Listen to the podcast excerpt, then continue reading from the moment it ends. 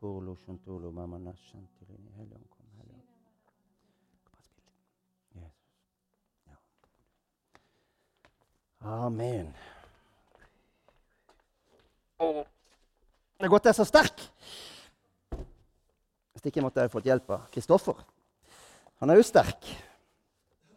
Men viktigst det er ikke å være fysisk sterk, men sterk i Herren. Ja vel? Åssen begravelse har dere kommet inn i i dag? Det er ingen begravelse i dag. Det er oppstandelsessøndag.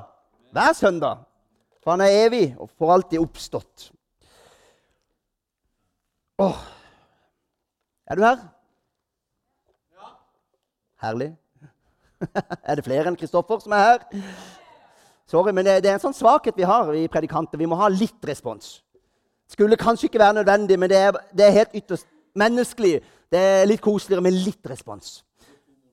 Det har gått to bånd uten, ja. Så det Johannes 6. Der leser vi om brødunderet. Da rynker jeg mer enn på nesa, for jeg har hørt meg preke over brødunderet så mange ganger. Men jeg skal ikke preke over brødunderet. Vi skal inn dagen derpå. Etter brødunderet.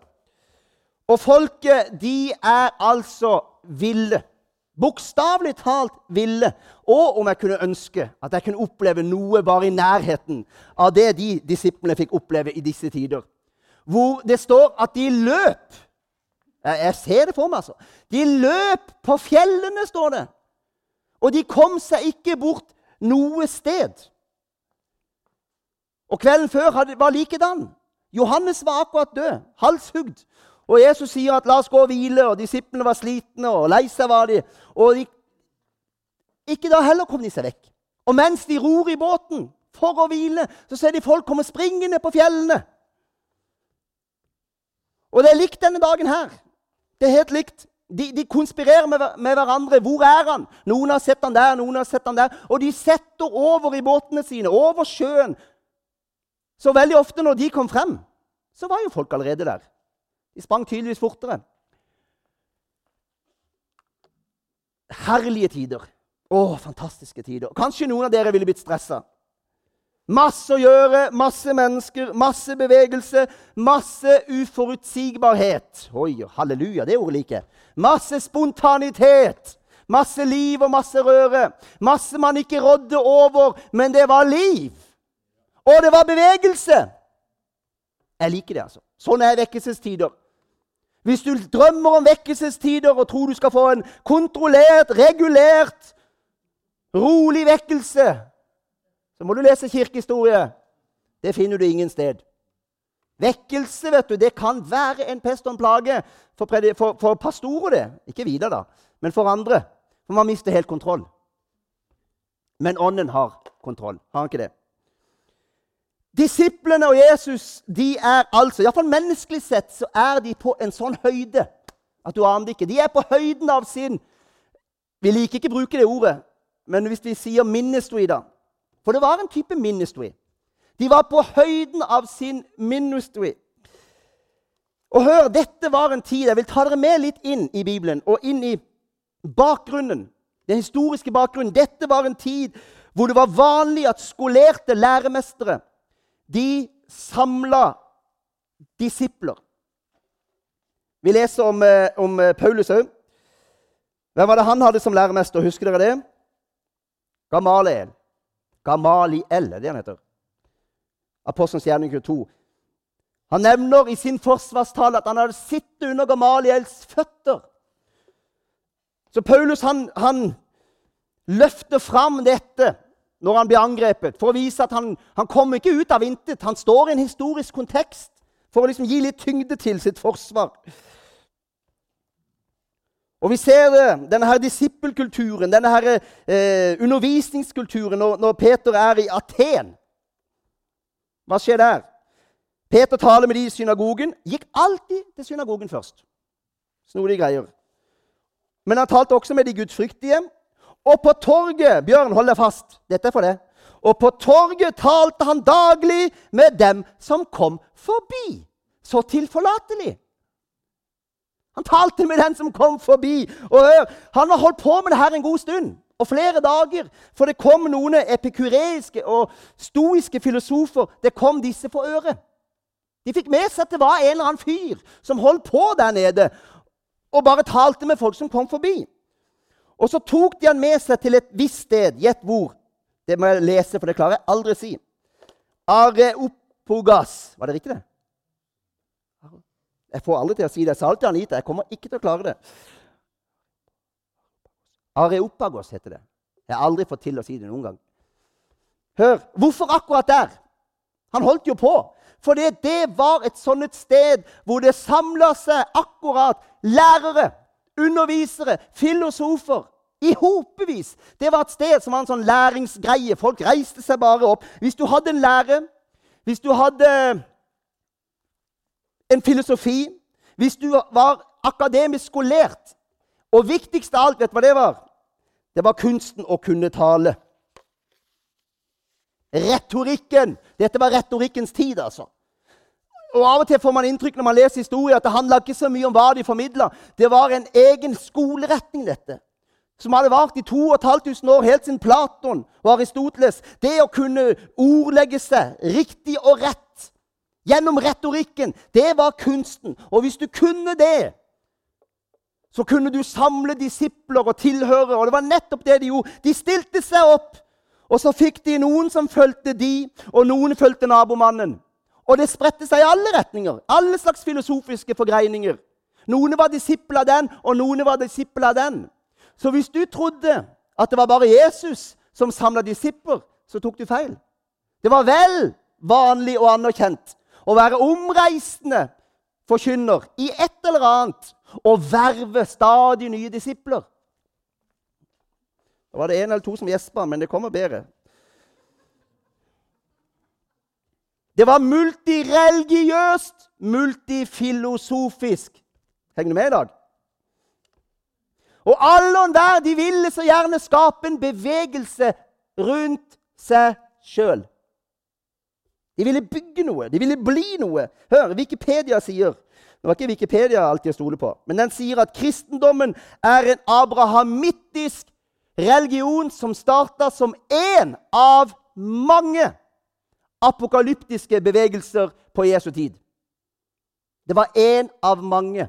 Ofte har vi sånne glansbilder av denne tida her, at Jesus blir født denne, på denne lille plassen her hvor alle kjenner hverandre. Det er små forhold. Og så er han såpass spesiell at han får til noe helt eget.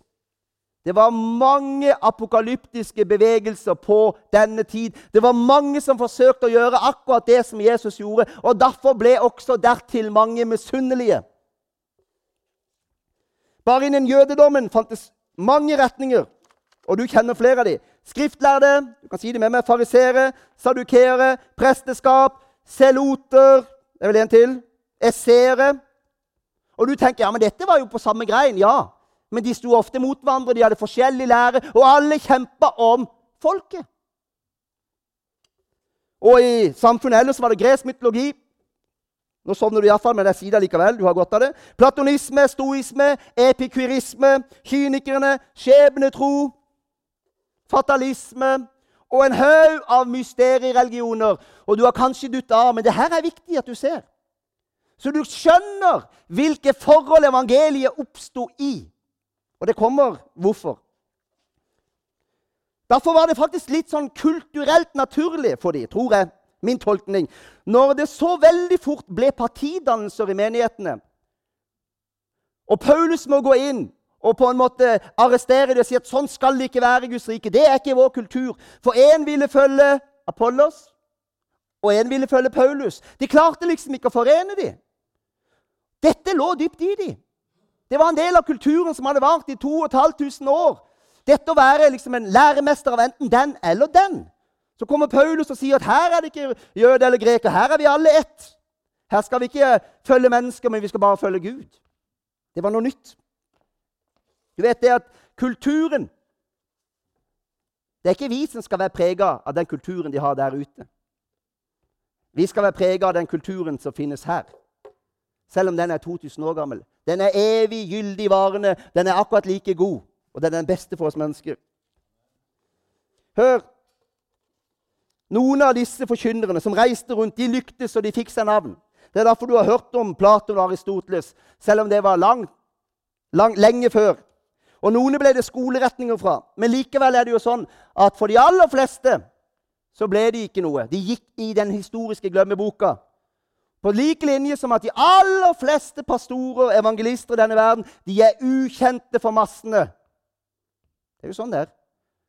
Vi kjenner til noen. Men i forhold til de tusener på tusener av predikanter og evangelister, så er de ukjente. De aller fleste. Skal ikke gå for mye inn på det. Folk vet ikke lenger hvem, folk vet ikke hvem jeg er lenger enn til Kristiansand, tror jeg. Kanskje litt på lista. Og så litt i Bodø, da, hvis de ikke har glemt meg nå. for nå har det gått noen år. Og så lille Betel Burbekk, akkurat i svingen der. Der kjenner de til meg. Men hør, én ting hadde de felles. Læremestere og lærlinger de hadde alle en drøm om å bli noe stort, om å utbre seg. Hvorfor sier jeg alt det her? Så du skal få det store bildet. Det kommer mer. Det vil fornye din tro på Den hellige ånds kraft. Inn i enhver situasjon, under de umuligste forhold. Du som tenker at det, virker som det er umulig å nå inn i verden i dag med evangeliet. Multireligiøst, multinasjonalt. Det har skjedd før, og det kommer til å skje igjen. Det er noe med evangeliet som er sånn at jo trangere det er, jo vanskeligere det er, jo mer virker evangeliet med kraft. Og hvis du legger forholdene til rette på en måte og tenker at nå burde evangeliet gå fram, nå har vi vunnet terreng. Nå begynner folk å akseptere oss. Nå begynner endelig folk å skjønne hvem vi er. Så kan vi menneskesett forvente at nå burde det skje noe. Og veldig ofte opplever vi at det er tvert motsatt. Hvis du vil stå i vekkelse, tegn og under, hvor skal du gå der? Der hvor ingen andre har gått. Der hvor det oser av andre religioner og okkultisme. Der det i det mennesket skulle være umulig. Det er der evangeliet presser seg fram i dag som aldri før. Og det var ikke annerledes for gutta i Bibelen. Dette var en retorikkens tid, talekunstens tid. Det var en egen kunstart. Og de gikk konkurranse i å beherske talekunsten. Og det var fristende, spesielt i Paulus sine menigheter, for de var i gresk omring, omkringliggende landskap, holdt jeg på å si. Der var det fristende å kopiere samfunnet. Så flere ville gå denne veien her, liksom, og bli gode i retorikk. Og det er i den forbindelsen Paulus sier, 'Jeg kom ikke til dere med framragende talekunst eller visdom.' Hva kom han med? Kom med Guds kraft. Og alle den gangen visste hva det betyr. Når du leser det i dag, så tenker du at det betyr at vi predikanter vi burde ikke forberede oss. Vi burde ikke ha punkt 1 og punkt 2 og punkt 3, og iallfall ikke underpunkter. Det er ikke det det betyr. Dette var på et helt annet nivå. Dette var på et nivå hvor det var på en måte kunsten å preke som var viktig, ikke hva du prekte, nærmest, i perioder. Paulus fremhever noe annet. Han sier at fra nå av så er det én ting som overbeviser. For tidligere så hadde evnen til å overbevise hadde ligget Nå skal jeg la brillene ligge med. Jeg leser Miriams om skjønner Det er bare et blikk er nok. Frem til nå så hadde evnen til å overbevise hadde ligget kunst, kunstdisiplin, retorikk. Og Paulus sier at det skal ikke være sånn nå. Fra nå av skal det være Den hellige ånd som overbeviser hjertene. Og der kan du si amen. Derfor skulle ikke fokuset lenger ligge på retorikken, og glad er jeg for det. altså. Jeg hadde vel falt igjennom. Jesus talte ikke for retorikkens skyld. Han talte for de fortapte sjelers skyld. Han talte for Guds rikes skyld. Hør! Og nå hadde han oppnådd å bli kjent og bli ettertrakta. Litt menneskelig tale her nå. Hvorfor vil jeg du skal se det? Jeg vil du skal skjønne noe av grunnen til at disiplene ble veldig fort hovmodige. Og det leser vi flere steder. De ble litt høye på seg sjøl. De syntes det var veldig stort, dette de plutselig var kommet inn i, disse som var enkle fiskere. Og hvis du skjønner at før de så hadde Hundrevis og tusenvis gått i skole etter skole og lært retorikk. Prøvd å verve disipler. Retninger opp og ned i mente. Og så kommer de, fiskerne, og forreiste med denne mannen. Og de sto i gjennombrudd, de sto i vekkelse. Kan du sette deg inn? Og de ble litt håndmodige. Det vet dere. De hysja på barna.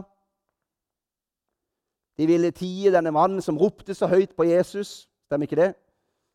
Han forstyrra. De var liksom inni noe der nå. Noe viktig noe. De var blitt viktige. De var inni noe. Få vekk alle de som bråker, alle som lager uro. Ja, En gang ville de faktisk, altså. Helt utrolig. De spør Herren sjøl skal vi by det ild og svovel og komme ned over denne samaritanske byen, som ikke ville slippe oss inn. Det er litt av noen gutter. Men du skjønner, de skjønte mer etter hvert. Det var mye de ikke skjønte denne tida her. Ryktet om han nådde ut i hele Syria, står det. Så han var en av de mange som forsøkte. Han var en av de som lyktes. Nå ser vi det litt menneskelig. Nå taler jeg som et menneske, sier Paulus. Du må tåle det. Han lyktes. Han samla hopetall. Og du skal være sikker på at det var til stor misunnelse.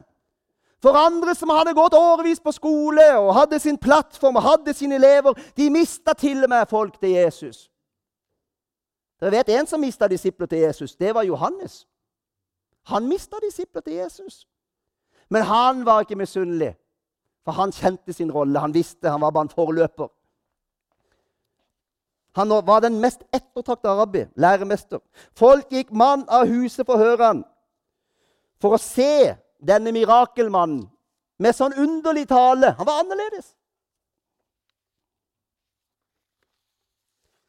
Ofte har jeg tenkt at ja, det var underne som trakk alle folkene. Det har du òg tenkt. Helt sikkert. Og du tenker om du har tenkt det, da. Og så må du gi meg rett. Men det var mer enn det. Det var ikke bare undrene. Hør på det her. Ofte forsto de ikke engang hva Jesus sa. Har du tenkt på det? Og disiplene forsto det heller ikke. For han talte veldig ofte i lignelser. Dette var profetisk for at de ikke skulle forstå rare greier. Så disiplene må få det forklart på kvelden. Og hvis ikke disiplene skjønte det, så var det ikke mange andre som skjønte det. Og Allikevel så står det at både de og de skriftlærde, alle sammen, de var forbausa, forbløffa over hans lære. Som de ikke forsto. Som var helt annerledes enn alle andre retorikere. Hva var det da som forbausa de? Ikke bare undrende, for det var læren. Det står ikke at han talte glimrende rett, retorisk, tidsriktig ut ifra tidstalekunsten. Uh, det står ikke det. Men han talte som en med Vet dere hva det står? Med myndighet. Hør! Salvelsen fra himmelen gav myndighet til Jesu ord på en helt annen måte enn noen av disse andre hadde klart å oppnå. Der hadde det passa godt med et amen, men skal, jeg skal få et sånt skilt jeg skal dra i, så dere vet når dere skal si amen. nå. Hør! Menneskene forsto ikke alltid. Så hva var det de responderte på? De sensa at det var noe ekstra i denne undervisninga som var annerledes. Hva var det de responderte på? De responderte på noe av det de ikke engang ante hva var. Salvelsen myndigheten, autoriteten i Den hellige ånd, den reagerte de på. Tror du at mennesker kan reagere likt i dag? Selv når de ikke skjønner med en gang. Vi lever i tider hvor vi er livredde for at ikke alle skal skjønne hvert et komma vi sier, hvert et ord vi sier. Det kalles pedagogikk. Og jeg er ikke motstander av det. Men jeg er litt for å lese Bibelen og se hva var de opptatt av. For det var ikke så annerledes for de enn det var for oss. Det er helt likt, faktisk.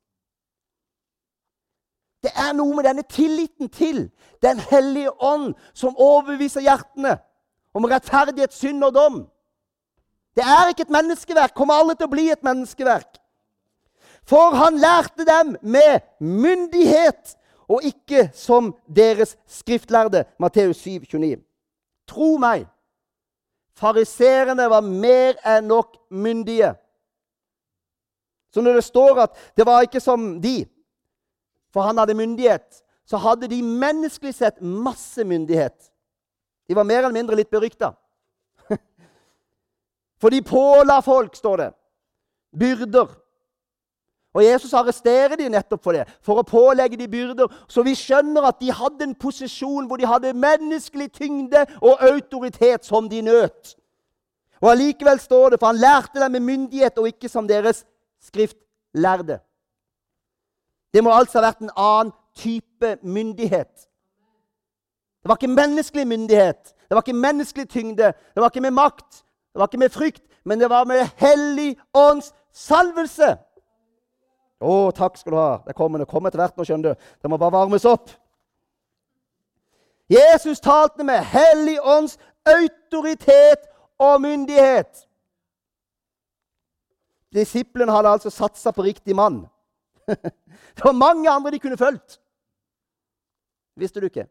De kunne fulgt så mange andre. De kunne vært omreisende med veldig mange andre filosofer og lærere. Og jeg tror nok de kjente på det at de, det var jo en sjanse å ta. altså. Han bare kommer der, og de forlater garna og båtene og alt. Det var en sjanse å ta. Men det var nok en, var nok en, en gud inne i bildet her som overbeviste hjertene allerede da. Men etter hvert tenkte de nok at vi, vi satsa riktig. Vi satsa riktig. Du vet, det var nok slitsomt òg for disiplene. Det var utmattende å være midt i dette racet av turné. Johannes, du har vært på turné. Du vet hvor, hvor, slitsomt det er. Ja, kanskje du bare liker det. Greit. Jeg har vært på misjon. Jeg vet hvor slitsomt det er. Du vet hvor slitsomt det er med, når det går fra morgen til kveld. Møter på møter. Masse folk og kaos. Men hør, jeg liker det òg, da. De var nok slitne, men hør, jeg tror også de var ytterst beært. De var beæra over å få være med på dette. Det var noe tilfredsstillende med å være midt i smørøyet. Stå midt i gjennombrudd og lykkes der hvor mange andre hadde det mislykkes. Hør, sett med menneskelige øyne så hadde Jesus nå bygd et godt fundament for videre virksomhet. Hadde vi vurdert Jesus i dag som en annen ministry, så ville vi sagt dette er bra. God plan, Egon. Nå har du fått bygd noe. Nå har du en base av arbeidere. Nå har du noe du kan bygge videre på.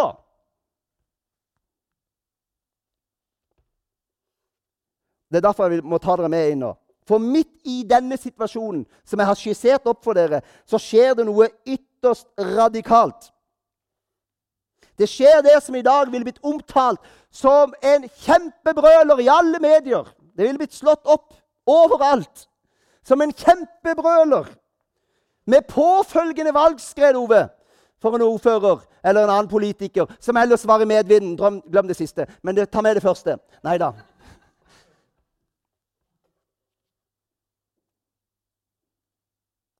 For plutselig så begynner han å tale ut ord. Ikke bare om Guds rike generelt.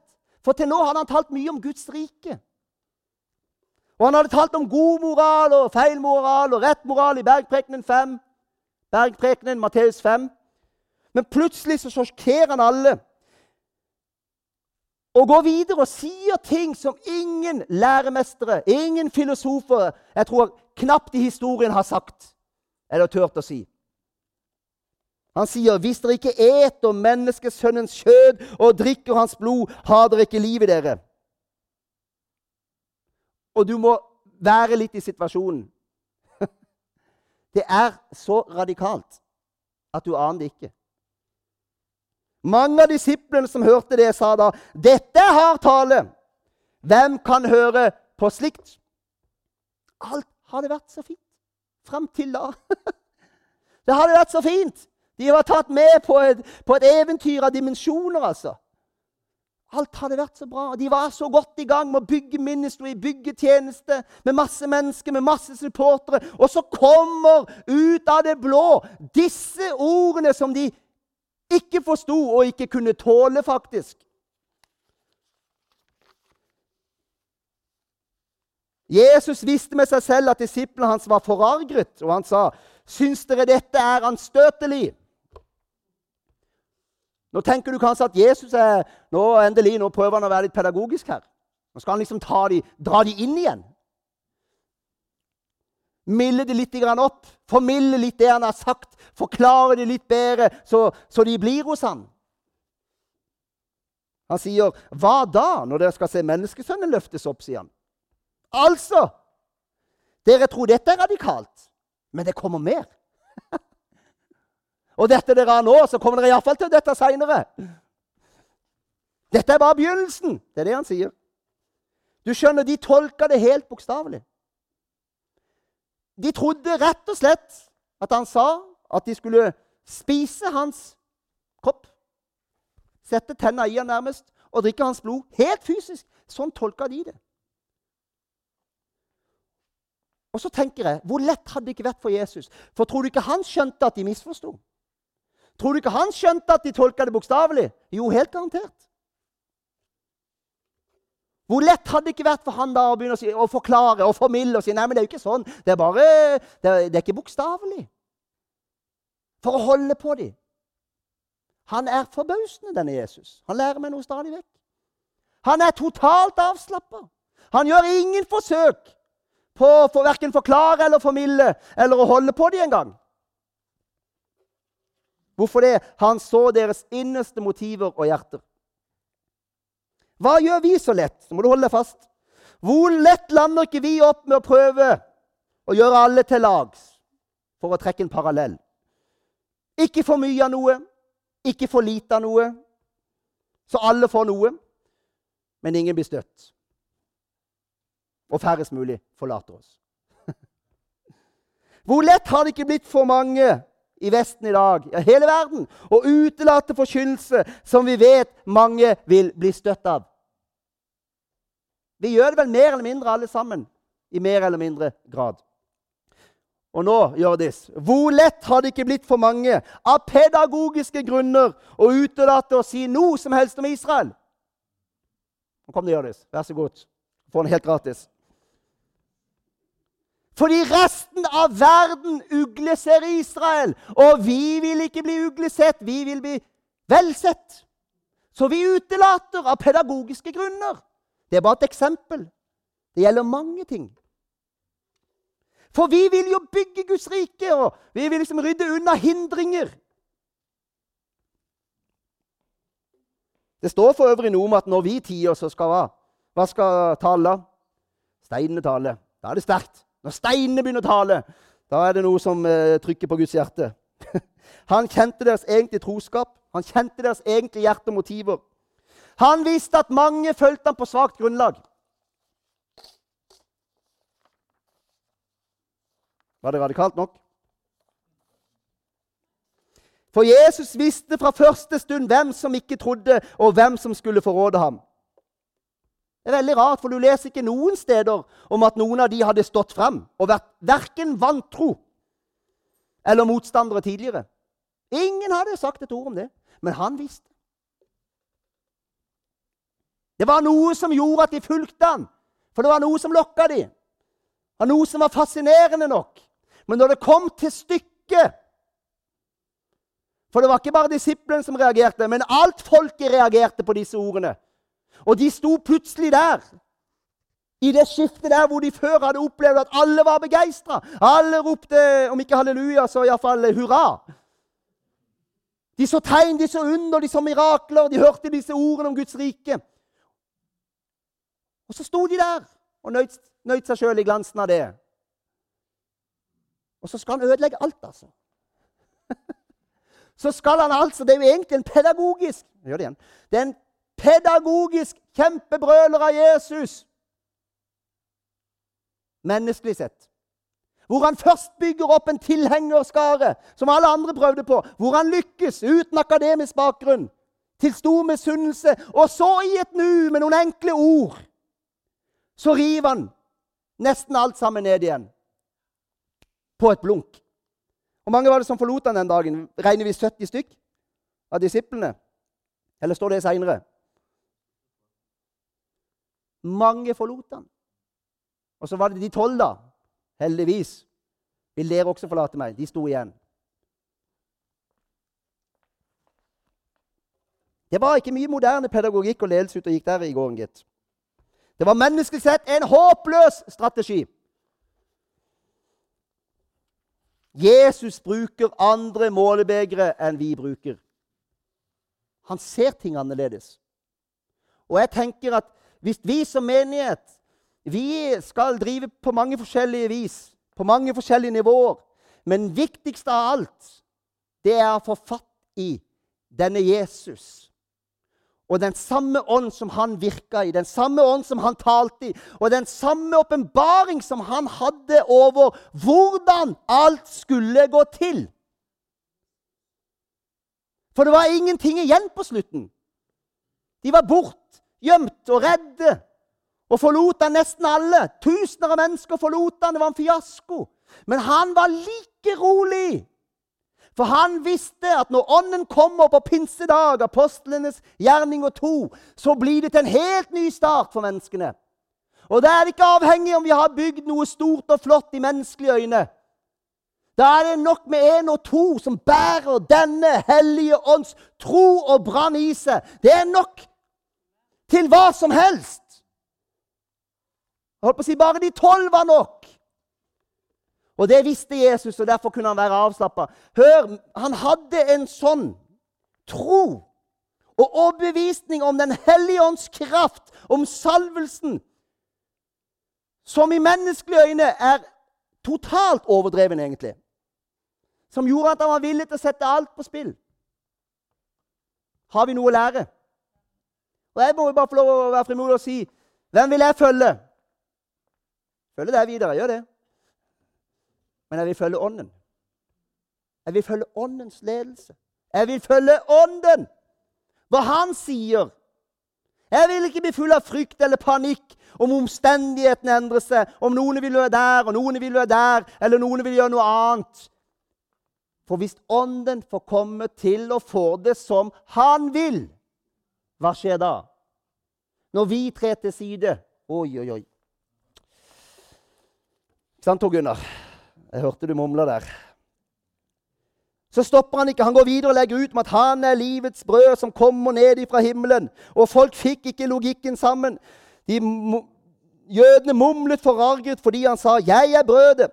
Og de spurte er ikke dette Jesus, Josefs sønn. Vi kjenner da både hans far og hans mor. Hvordan kan han si at han er kommet ned fra himmelen? Og Jesus svarte, og han er så herlig radikal, hold opp med denne murringen. Er det ikke nydelig? Det er godt med noen som kan si det rett ut. Hold opp med denne murringen! Eh, ingen pedagog i dag ville gjort noe lignende. Hvis du prøver å bygge noe og holde på sånn i dag, så mister du, mister du fotfolk. Det er herlig befriende. Jeg er sikkert vi skal holde på sånn. Han var Jesus tross alt. Men det er noe herlig befriende. For det var noe der inne, dypt der inne, som overgikk alt det menneskelige. All menneskelig byggverk, all pedagogikk. Han hadde tillit til sin far. Ingen kan komme til meg, sier han, uten at Faderen som har sendt meg, drar ham, og jeg skal reise han opp på den siste dag. Menneskets frelse skulle være et verk av Den hellige ånd, ikke menneskelig strategi, ikke metode, ikke retorikk. Ikke diverse egne motiver, som de hadde så mange. Mennesker krevde å forstå. De kunne ikke skjønne hvordan han kunne si han var kommet fra himmelen. Det hang de seg opp i. For vi kjenner jo far og mor. Ergo kan han ikke komme fra himmelen. Og Jesus gidder ikke her heller. Bruk ordet 'gidder'. Han tar seg ikke tid til å prøve å forklare det engang. Igjen, for han har så tillit til Den hellige ånd. Han sier bare 'det er Ånden som gjør levende'. Her kan mennesket intet utrette. Ånden levendegjør oss ved å levendegjøre ordet først, Annelise. Jeg måtte bare kjente jeg måtte ha det nå. Derfor fortsetter Jesus å si de ord jeg har talt til dere, er ånd og liv. Altså ikke logikk, ikke retorikk, ikke menneskeverk, men et åndsverk. Her ligger nøkkelen for å holde Tore på sporet. Og ikke bare Tore, men hver og en av oss uten en dyp tro og overbevisning om kraften i Den hellige ånd, åpenbaring i ordet, salvelsen og kraften i Guds ord, så begynner vi å tilrettelegge både arbeid og prekener langt utover det Jesus sjøl gadd. Da begynner vi å tolke Guds ord tilpassa vår kultur og det vi syns passer oss best. Da lander vi opp og prater rundt Guds ord For på en måte skal gjøre det som Jesus ikke gjorde. Anskueliggjøre det, på en måte. Alminneliggjøre det. Ufarliggjøre det, kanskje. Istedenfor å stole på kraftens ord når det tales ut. Samtidig som vi spør hvor er kraften? Hvor mange her har spurt hvor er kraften vi lengter etter? Hold opp med denne muringen, sa Jesus. Hold opp med alt dette, sier Dag Eivind Wilhelmsen. Der er jeg faktisk gjennom, tro det eller ei. Hva var mitt budskap i dag? Nei, det aner jeg ikke, sier du. Det var så mye, det. Budskap er at vi tror vi lever i sånne ekstraordinære tider. Hvor vi på en måte føler at ja, men det her må jo på en måte Det var en annen tid. De sto under helt andre forhold. Vi har helt andre utfordringer i dag. Mye vanskeligere for oss i dag med dette multikulturelle samfunnet vårt. Langt derifra. Det var enda mer multikulturelt religiøst og filosofisk på denne tid. Og Paulus, den tøffingen som han var, han gikk inn i, i, i de aller tøffeste områdene, i Aten, på sånne taleplasser, hvor det var århundrelange tradisjoner med læremester og disipler. Og så går evangeliet frem allikevel. Og så har den ene retningen etter den andre har dødd ut. For de hadde ikke Den hellige ånd. Det er for at du skal styrke din tro på Den hellige ånd. Ikke at vi skal bli sånne mennesker som bare sitter her og venter og venter. Jeg holdt på å si til Jesus kommer igjen uten å få gjort noe. Jeg tror, på, jeg tror på at vi skal brette opp armen og vi skal ut i verden og vi skal vinne mennesker. Og når Gud taler til våre hjerter, så skal vi vandre i tro og leve i tro og gå i tro. Selvfølgelig skal vi det. Men vi skal også ha denne rette forståelsen av Guds ord. Vi må skjønne hvordan Guds ord henger sammen. Det er ikke opp til meg å skulle synse og sanse i enhver sammenheng hva som måtte passe meg. Det er ikke opp til meg å overtolke Guds ord for å få den til å passe inn i min livsførsel, inn i moderne tider. For Bibelen blir aldri umoderne. Og om 50 i dag flytter sammen før de er gift Og etter hvert så gjelder det like mye ikke-kristne som kristne så rokker ikke det ved hva Guds ord sier. Den har sannheten. Den har den beste kultur. Den har den evigvarende kultur. Og når vi begynner å stole på Ånden Selv jeg har jo opplevd mange ganger Jeg forundrer meg når du kommer ned til andre nasjoner spesielt, til analfabeter. De har aldri gått på skole. Og man kan bli litt forvirra. Skal jeg holde en søndagsskolepreken her, tenker jeg? For de har jo ikke gått på skole, og de kommer ikke til å skjønne det. Da er det menneskegeir som begynner å bli litt sånn stressa. Men gang på gang så kommer det over meg. Det er som Den hellige ånd sier, Geir. Du skal bare tale ut troens ord. Du skal bare tale ut evangeliet om blodet, om korset, om renselse for synder. Egentlig vanskelige ting for de å gripe. Og Når du hører det utenfra, så kan du kanskje tenke sånn Ja, det her går over hodet på dem. Allikevel så responderes det. Det er akkurat som denne folkeforsamlingen som hørte Jesus. De forsto ikke engang alt hva han sa, men de opplevde at det fantes en myndighet der. For det er mer enn ord. Det var en hellig ånd bak ordene. Det er ikke så farlig om ikke alle forstår alt. Det kan komme lovsangere. Det er ikke så farlig om alle ikke forstår alt. Det kommer etter hvert.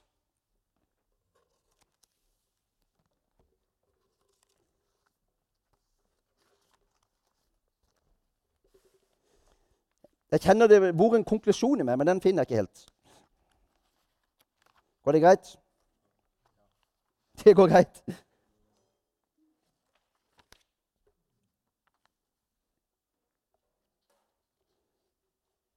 Jesus sa, 'Dere søkte meg fordi dere spiste av brødene og ble mette.' Tenk, her kommer folk igjen, i tusentalls, for å høre han. Og så sier han, 'Ja, ja, dere kommer ikke for for noe annet enn at dere fikk brød i går. Det er det han sier rett ut. Ikke for dere så noe tegn og under. Det kom fordi dere er sultne. Han river nesten ned, ned det han holder på å bygge opp. Det er noe her. Jeg håper du forstår meg riktig nå. Mange i Vesten henger med så lenge det ikke kreves for mye. Så lenge vi ikke gjør eller sier noe du ikke liker. Så lenge lovsangen er god nok. Så lenge man ikke trenger å ta ansvar. Eller til man ikke fikk lov til å gjøre det man hadde lyst til i menigheten. akkurat der og da. Så lenge man føler man får noe igjen for det. What's in it for me? Det er vestlig. Så lenge ingen legger seg opp i livene våre. Så lenge vi får styre alt sjøl. Det fins en dypere overgivelse enn dette. Som jeg vil jakte på, og som jeg trenger for mitt eget liv. Som du trenger for ditt eget liv. Det er mer åpenbarelse å få. Det er mer overgivelse å kaste seg inn i, holdt jeg på å si. Amen.